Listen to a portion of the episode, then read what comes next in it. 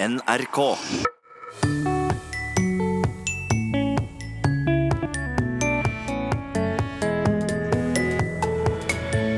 Madam Speaker, Mr. Vice President, Jens Stoltenberg holdt en historisk tale i den amerikanske kongressen. Ja, det var en veldig viktig tale. Eh, Det var jo første gang at eh, Natos generalsekretær var i Kongressen. Eh, Og det var jo også en veldig viktig situasjon. Men hvilke ordvalg og retoriske grep førte til at talen blir hylla i ettertid? Og å lure noen opp i stry er et gammelt uttrykk. Og hvis man kastet det i øynene på noen, eller man fikk det i øynene tilfeldig, så kunne man ikke se, og dermed så ble man et eh, lett bytte. Men vet du hva stry er? Vel møtt til Språkteigen. Madam Speaker, Mr. Vice President, honorable members of the United States uh, Congress, ladies and gentlemen. Jens Stoltenberg ble hyllet som ei rockestjerne. Det var en av overskriften etter at han som generalsekretær talte til den amerikanske kongressen i anledning Natos 70-årsdag. Statsmannskunst og balansekunst er superlativer som er tatt fram om talen. Hvilke ordvalg og hvilke retoriske grep gjorde Stoltenberg? Jens Elmelund Kjeldsen, professor i retorikk ved Universitetet i Bergen. Først litt om bakteppet. Dette var en viktig tale i ei tid med motsetninger internt i Nato. Ja, det var en veldig viktig tale. Eh, Det var jo første gang at eh, Natos generalsekretær var i Kongressen, i den amerikanske kongressen har snakket. Eh, Og det var jo også en veldig viktig situasjon.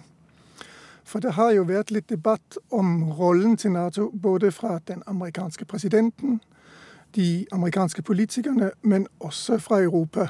Så han snakker både til presidenten, til amerikanerne og til europeerne på samme tid. Og det er jo en eh, utfordrende oppgave. Så det står en del på spill her for Nato. Og hvilken type tale velger Stoltenberg da å holde i den anledningen? Ja, Turin, det er et godt spørsmål, for dette er egentlig en slags kombinert tale. Man kan skille mellom det vi kaller leilighetstaler eller anledningstaler på den ene siden, og så på den andre siden politiske taler. Og det man gjør i anledningstalene, det er at man framviser verdier. Hvis f.eks. du skal holde en tale for din søster eller din far eller en venn, det du gjør der, det er at du framviser de verdier som denne personen har. Slik at vi alle sammen kan tenke ja, det er riktig. Han er nå en flott person. Og det var litt det samme Stoltenberg måtte gjøre her. Han måtte på en måte framvise Nato. Framvise verdiene, kvalitetene, alt det Nato gir oss. F.eks. frihet, sammenhold, vennskap og fellesskap. Slik at vi alle sammen tenkte ja, det er riktig, Nato er en god ting. Det må vi støtte. Men så måtte han også gjøre det litt politisk, i den forstand at han må gi han måtte gi folk bestemte holdninger til Nato. F.eks. har Trump jo vært veldig kritisk og sa han visste ikke riktig om Nato var noe særlig, og Europa betalte jo ikke inn. Så Derfor måtte han også overbevise motstanderne om at dette er en god idé. Så hvordan løser han den utfordringen, da? Kan du gi et eksempel på det? Ja, det første du må gjøre, det er at du må jo vise at eh, Nato er en suksess. Nato har lykkes, og det kan du gjøre ved å vise de utfordringer som man har hatt, og den suksess Nato har hatt med å overvinne disse utfordringene. Og den mest åpenbare, kan man si, er jo den kalde krigen. Altså Man kan si det at det ikke ble utløst omtrent et eneste under den kalde krigen, det ikke er helt sant, viser jo at Nato har klart å bibeholde freden. The Cold War ended without a shot being fired in Europe, and we have experienced an unprecedented period of peace. So the NATO alliance is not only the longest lasting alliance in history, it is the most successful alliance in history. Øh, han har jo et veldig godt eksempel, kan du si, som blir nesten sånn helt konkret. Han sier at i hovedkvarteret for Nato i Belgien står det to monumenter. Det ene monumentet er en del av Berlinmuren. Det andre monumentet er en ståldrager fra World Trade Center som ble knust i, uh, i 9-11. Delen fra Berlinmuren symboliserer frihet. For Berlinmuren var jo bygget opp for å holde, som Stoltenberg sier, folk inne og ideer ute. Så den symboliserer frihet, for Berlinmuren falt jo. Og den falt jo bl.a. under press fra amerikanerne og Ronald Reagan, som sa at man skulle rive muren ned. Ståldrageren fra World Trade Center representerer solidaritet. Fordi hva skjedde etter 11. september? Jo, det var den eneste gangen i Natos historie at man aktiverte den berømte paragraf 5. Den man kaller én for alle og alle for én-paragrafen. Det er den eneste gangen at alle nasjonene har gått sammen fordi et land har blitt angrepet. Så den representerer solidaritet. Men så hadde den jo utfordringen med å møte kritikken fra Trump, og å møte den på en diplomatisk måte. Ja, riktig. Og det han gjorde, var jo Han roste jo Trump. NATO allies must spend more on defense. This has been the clear message from President Trump, and this message is having a real impact. Han sa at ja, Trump har sagt at vi må alle betale inn. Dette må være en, en rettferdig allianse. Og det er en sånn håndsregning til Trump, og dermed også en håndsregning til alle republikanerne i salen. Stemningen i Kongressen hos de amerikanske politikere, både hos demokratene, men også hos republikanerne, er ganske positivt til Nato. Men det er jo en utfordring for republikanerne at presidenten har vært så negativ. Så det betyr at hvis Stoltenberg vinner presidenten, så vinner han også republikanerne. Men når vi snakker om eh, Berlinmuren, da, som det er en liten bit av eh, der, det kunne jo kanskje òg være litt mot Trump? Vi vet jo at han er veldig eh, opptatt av å bygge en mur?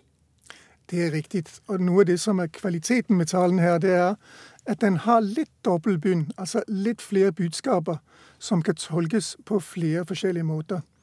Han ble jo Stoltenberg omtalt som en diplomat. Og det han sa i forbindelse med Berlinmuren da han omtalte den, det var han sa at denne muren er skapt for å holde folk inne og ideer ute. Og så holdt han en kort pause, og så sa han det slo feil. Og så var det jo mange som applauderte og klappet. Republikanerne applauderte og klappet fordi deres president Ronald Reagan har jo kjempet imot denne muren. Så det var i Reagans tradisjon, og det syns de er flott. Men samtidig så er det jo mange demokrater som syns det å bygge mye, f.eks. For, for å holde meksikanere ute, ikke er noen god idé. Mm. Så de klappet også. Så på den måten så fikk han fanget to grupper på samme tid med to forskjellige budskap. Mm. Vi har jo bare hørt litt her, men det var mye applaus. Ja, det var det. Ja, Og der gjør noen interessante retoriske grep, mener du? Ja. Og Det er veldig interessant med applaus, fordi det er laget undersøkelser av når en taler skaper applauser. Og en applaus kommer jo ikke helt tilfeldig. Forestill deg at du er til et idrettsarrangement og man skal løpe 100 meter. Så står det åtte personer ved startlinjen, og så skal de starte samtidig. Hvordan får du de egentlig til det? Ja. Jo, du sier klar, parat, start. Så du lager altså det vi kaller en trepunktliste, eller en trepunktsrakett. Eller det som på latin heter en trikolon. Og det har en rytme, et system, som du, så du når å gjenkjenne systemet. Hvis jeg bare sier 'løp', så vet du ikke du skal løpe. Hvis jeg sier 'klar, parat', så er det heller ikke nok. Men når du sier 'klar, parat', så vet du det er et system, og du skal være klar. Og så sier du 'start'. Mm. Så de applauser kom som regel ved den type trepunktlister og ved kontraster. Mm. For det blir veldig tydelige signaler til tilhørende. Nå må dere handle i fellesskap. Han sier på et uh, tidspunkt f.eks. Hitler could not have been stopped with peaceful protest. Stalin could not have been deterred with words. ISIS could not have been defeated with dialogue. Så det han gjør her, det er at han nevner tre fiender av demokratiet og av friheten. Og samtidig så antyder han at det er en slags historisk utvikling. Altså Han viser tilbake historien med det vi sammen har overvunnet. Men slike historiske fortellinger peker jo også framover og antyder at det samme kunne skje igjen. Så derfor må man passe på. Og hvordan passer man på? Jo, man har Nato til å passe på. We were not able to predict the fall of the Berlin Wall, the 9 11 attacks, or the rise of ISIS, or Russia's ille illegal annexation of Crimea. Since we cannot foresee the future, we have to be prepared for the unforeseen. We need a strategy to deal with uncertainty. We have one. That strategy is NATO. Og så nevnte du kontrast som et annet eh, retorisk grep. Ja. En av kontrastene ser vi når han angriper det at det har jo vært mye uenighet i Nato. Altså Det har vært mye diskusjon og debatt og uenighet om hvor mange penger man skal gjøre, øh, og hvordan man skal handle politisk, faktisk. Øh, og mange har sagt det er et problem for Nato, for de blir jo aldri enige. Men det han gjør, det er at han vender det om. Altså Han på en måte retenker denne uenigheten, og så sier han This is democracy. Open discussions and different views is not a sign of weakness, it is a sign of strength. åpen diskusjon og forskjellige synspunkter er ikke et tegn på svakhet. Det er et tegn på styrke. Og så blir det applaus igjen, ikke sant? Han eh, brukte òg seg sjøl mye i denne talen. Blant annet så snakka han om 22. juli. I was Prime Minister of Norway on the 22nd of July 2011. It was the darkest day in Norway since the Second World War. It was the darkest day of my life.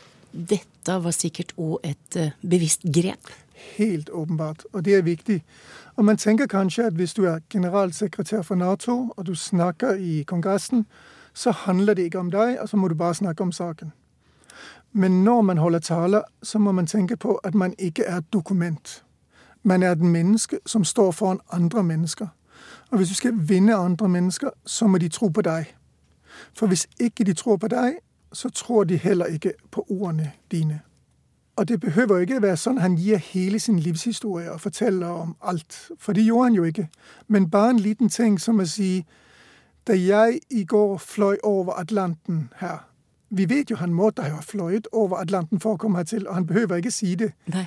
Men det viser han fram som en person som krysser Atlanten, og det knytter han og tilhørende an til det som egentlig ikke atskiller oss, men binder oss sammen. For hvem var den første personen fra Europa som kom til USA? Jo, det var Leif Eriksson, som seilet over havet. For adventures like Leif Eriksson, the Atlantic Ocean was never a barrier. Rather, it was a great blue bridge to new lands and new possibilities. Så denne Atlanterhavspakten, altså Nato, er ikke noe som blir atskilt av havet. Det er noe som har bundet oss sammen. Og når han forteller han har vokst opp i USA, øh, han har bodd i USA, så gjør det han til på en måte en del av USA. For det som overbeviser oss aller mest, er folk som er sånn som oss. Vi skal se litt på et ordvalg han gjør, og det er kanskje et som òg virker godt på presidenten, nemlig ordet venner. Hvor viktig er det konkrete, enkle ordet? Ordet venner er viktig for talen. øh, Dels fordi det er et ord som vanliggjør noe som er vanskelig. Når du tenker på Nato som en, en pakt eller en allianse, så er det litt vanskelig å tenke hva er det egentlig for noe? Det er litt vanskelig å forstå. Alt som er abstrakt og generelt, er vanskelig å forstå. Men det du har opplevd selv, og som er konkret, er lett å forstå. Så derfor bruker vi bilder eller metaforer for å forstå det vanskelige og det abstrakte. Og venner er noe vi alle sammen har, og har opplevelser med. Og når du bruker ordet venner, så følger det særlige forpliktelser med. Så hvis du er min venn, så betyr det at hvis du har det vanskelig, så må jeg hjelpe deg. Og vupti, da har du forklart hva Nato er for noe. Når noen har det vanskelig, hvis noen blir angrepet, så står vennene sammen og hjelper deg. Og Det er jo det han forsøker å si. Og han forsøker å si at dette vennskapet har vært godt for alle. So, NATO has been good for Europe. But NATO has also been good for the United States. Så der binder han altså de to sammen. Det er et slags forpliktende forhold som blir fanget inn i én veldig enkel øh, setning. Og etter det sier han The strength of a nation is not only measured by the size, the size of its economy or the number of its soldiers, but, but, but also by the number of its friends. And through NATO, the United States has more friends and allies than any other power. This has made the United States stronger, safer, and more secure. Madam Speaker, Mr. Vice President, it is good to have friends. Igjen hører vi nesten Trump si det er ingen som har så mange venner som jeg. Og så sier han øh, med, en, øh, med et bokstavrim øh, This has made the United States stronger, safer and more secure. Og presis disse formuleringer gjentar han jo i slutten, hvor han sier vi er sterkere og sikre når vi står sammen. Madam Speaker, Mr. Vice President, it is good to have friends. Thank you. Og der binder han på en måte opp det som hele talen har snakket om. Vi er sterkere når vi står sammen. Det sa professor i retorikk Jens Elmelund Kjeldsen om talen som Jens Stoltenberg holdt i den amerikanske kongressen. Skal bruke resten av tida i Språkteigen i dag til lytterspørsmål, og først til dialektord. Hva kommer ordet å øye eller å ø av, spør Britt Wang.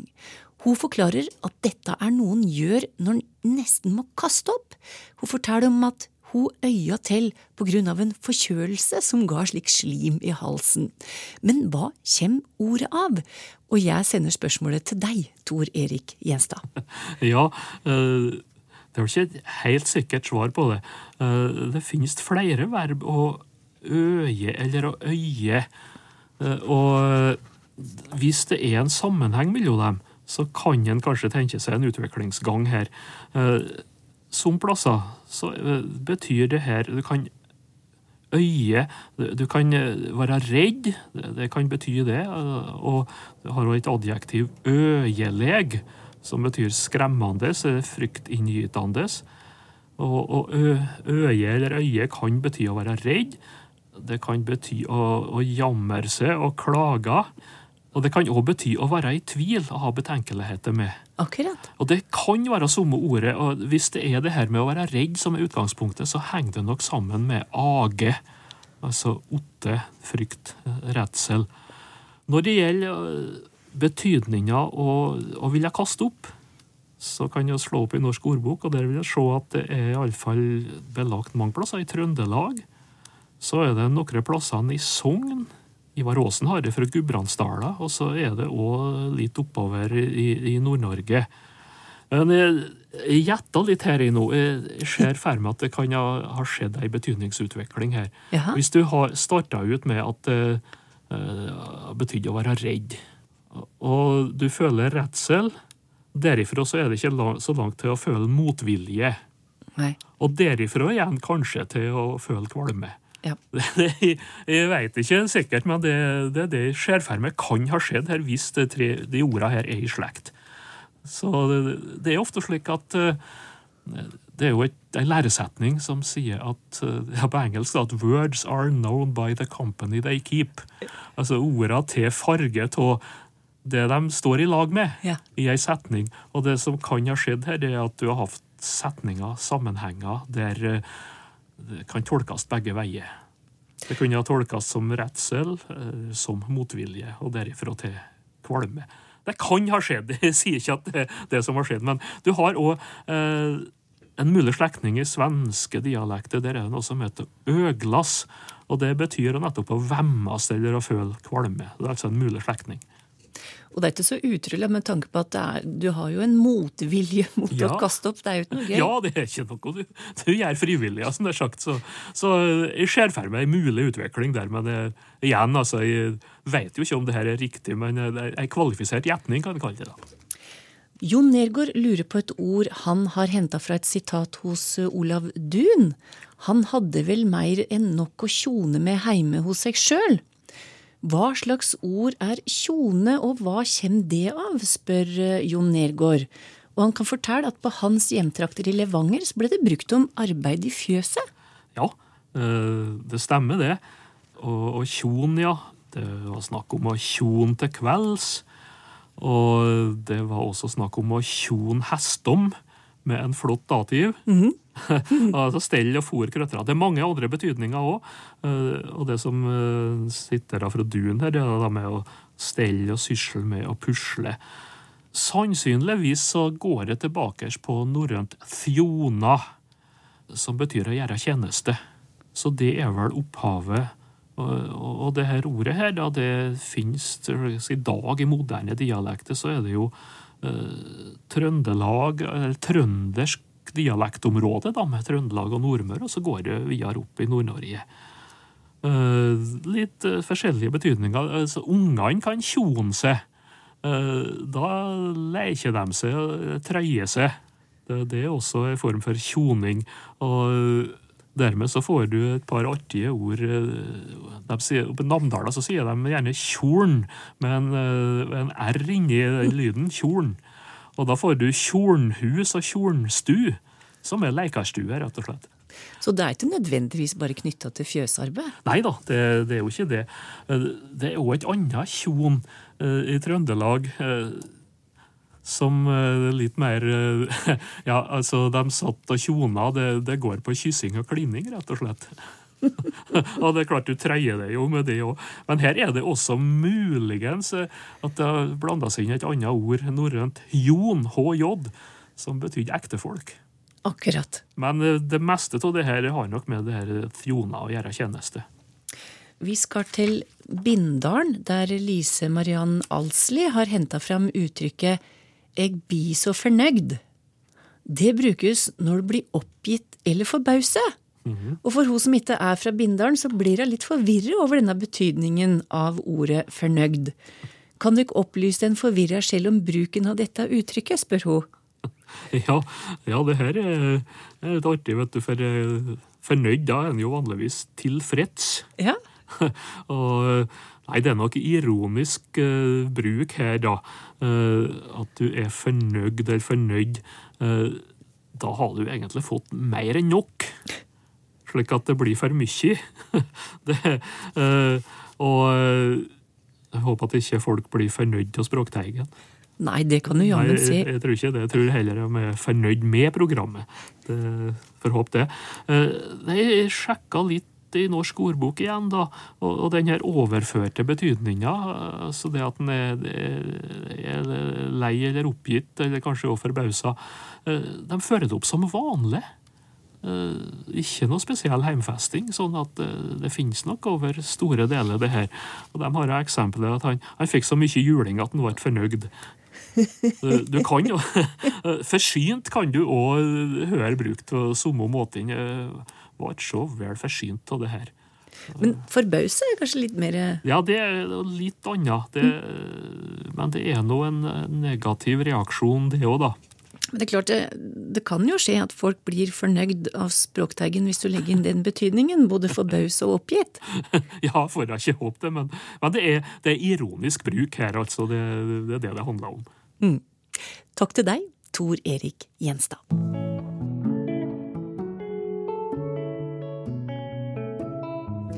Vi skal avslutte Språkteigen i dag med et spørsmål om et fast uttrykk, nemlig uttrykket å lure noen opp i stry.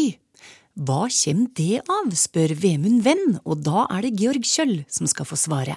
Det kommer av eh, et eh, ord vi ikke bruker så mye lenger, som eh, altså stry, som betegner trevler av hamp eller lin som ble utskilt ved hekling. Så man kan på en måte se det, se det for seg. Man hekler, og så kommer disse, disse trevlene opp i, i lufta i sånne små, små fragmenter. og hvis man kastet det i øynene på noen, eller man fikk det i øynene tilfeldig, så kunne man ikke se, og dermed så ble man et eh, lett bytte. Ja, og vi finner også formuleringen 'snytt opp i stry', brukt i skrift da, på, på norsk fra, fra hvert fall 1920-tallet. Men uh, vi tror nok at uttrykket er eldre, fordi uh, i et tillegg til Norsk ordbok fra Hans Ross, uh, utgitt i 1895, så, så, finner vi konstruksjonen 'narra opp i stry'. Så det har, vært, det har vært brukt mye, selv om denne heklingen heklingen, Det ble slutt på den på, i den formen, så, så har uttrykket overlevd. Og vi har også en annen variant av, eh, av uttrykket som, eh, som, er like vanskelig å mestre og vanskelig å, å skjønne, men som like fullt har overlevd. da, Som vi snakker om å kaste blår i øynene på folk. Ja. Hvor blår er faktisk et synonym for stry. Så det er akkurat det samme. Så hvis du kaster blår eller kaster, stry i øynene på folk, så, så, blir de blendet da, eller ført bak lyset, som man kunne, kunne sagt, og klarer ikke å se og er, er lett å lure. Eh, og dette uttrykket er nok enda eldre igjen, så det finner vi igjen i ordbøker fra starten av 1800-tallet. Og det ble ganske hyppig brukt i skrift eh, utover, på, utover mot, mot, det 20. århundre. Eh, både på dansk og norsk, så vi finner også igjen på moderne dansk i og for seg. i i en variant som er stikke blår i øynene på noen. Så det er litt, litt artig at dette, dette, har overlevd i disse to variantene, som begge er meningsløse for, for de fleste i, i dag, men uh, likevel klarer seg, klarer seg godt. Det jo, men det gjør jo at man ender opp med å selvfølgelig rote det litt, litt til, da, når det, er, når det er blår og stry man ikke helt vet, vet, hva det er snakk om. Uh, så jeg har vært borti varianten med bli lurt opp i sky, uh, eller bli lurt opp i skyene. fordi du har også skrytt opp i skyene da, som, som, kommer inn og blander seg. Så det er ikke, helt, det er ikke, det er ikke fritt for at det blir, blir litt rot med disse, disse uttrykkene. Du har også varianten 'kaste glans i øynene på folk' istedenfor 'kaste blår i øynene på folk', fordi du har uttrykket 'kaste glans over noen'. Kaste glør i øynene på folk, har jeg også hørt. Og varianten 'kaste blå hår i øynene på noen', eh, som du kan få da, fordi blår, hva, hva betyr nå det? Men blå hår, det ja. Kanskje det er noe fra å sette grå hår i hodene på, på folk som, som, kommer inn og blander seg også. Så eh, her, her blir det fort gjort eh, fort et lite sammensurium av ulike, ulike uttrykk, selv om, eh, selv om, de stort sett overlever greit, da, disse stry og, stry og blår ellers. Ja, det var jo nesten for godt til å være sant hvis det skulle gå helt smertefritt. Ja, det, de gjør jo stort sett ikke det når, det når det er, sånne type ord med i bildet. Uh, så, og når det i tillegg er ting som ligner, altså dette med grå hår Altså du setter blå hår i hodet på meg, og så borti, så det, det ja, det, det, er så, det, er ikke så, store forskjeller sånn rent lydmessig, men eh, hvis man begynner å se for seg hva det er det som egentlig foregår her, så blir det jo fort, eh, blir fort litt, eh, litt, merkelige bilder man får i hodet. Ja. ja vi har også snakket om tidligere med, med at disse uttrykkene hvor man, eh, hvor man eh, noen dummer seg ut, eller noen lurer noen, at det er litt sånn typisk at de også blir blir liksom feil, eh, får feil tolkninger. Så vi har snakket tidligere om å bli tatt ved nesen og gå i bar og, og være på jordet og Være på jordet. Eh, være på jordet. Ja. Ja, eh, eller være på jorden. Eller gå i baren. Eller bli pilt i nesen og den type ting. Men ja. Hvorfor ikke, når, når, ordene de inneholder er litt sånn sjeldne og rare? Faste uttrykk er aldri lett. Takk til deg, Georg Kjøll, vi tar alltid imot eh, lytterspørsmål eller andre tips og innspill om ord og om språk. Skriv til oss på teigen krøllalfa nrk.no. Språkteigen kommer i ny utgave om ei uke. Takk for i dag. Ha det bra.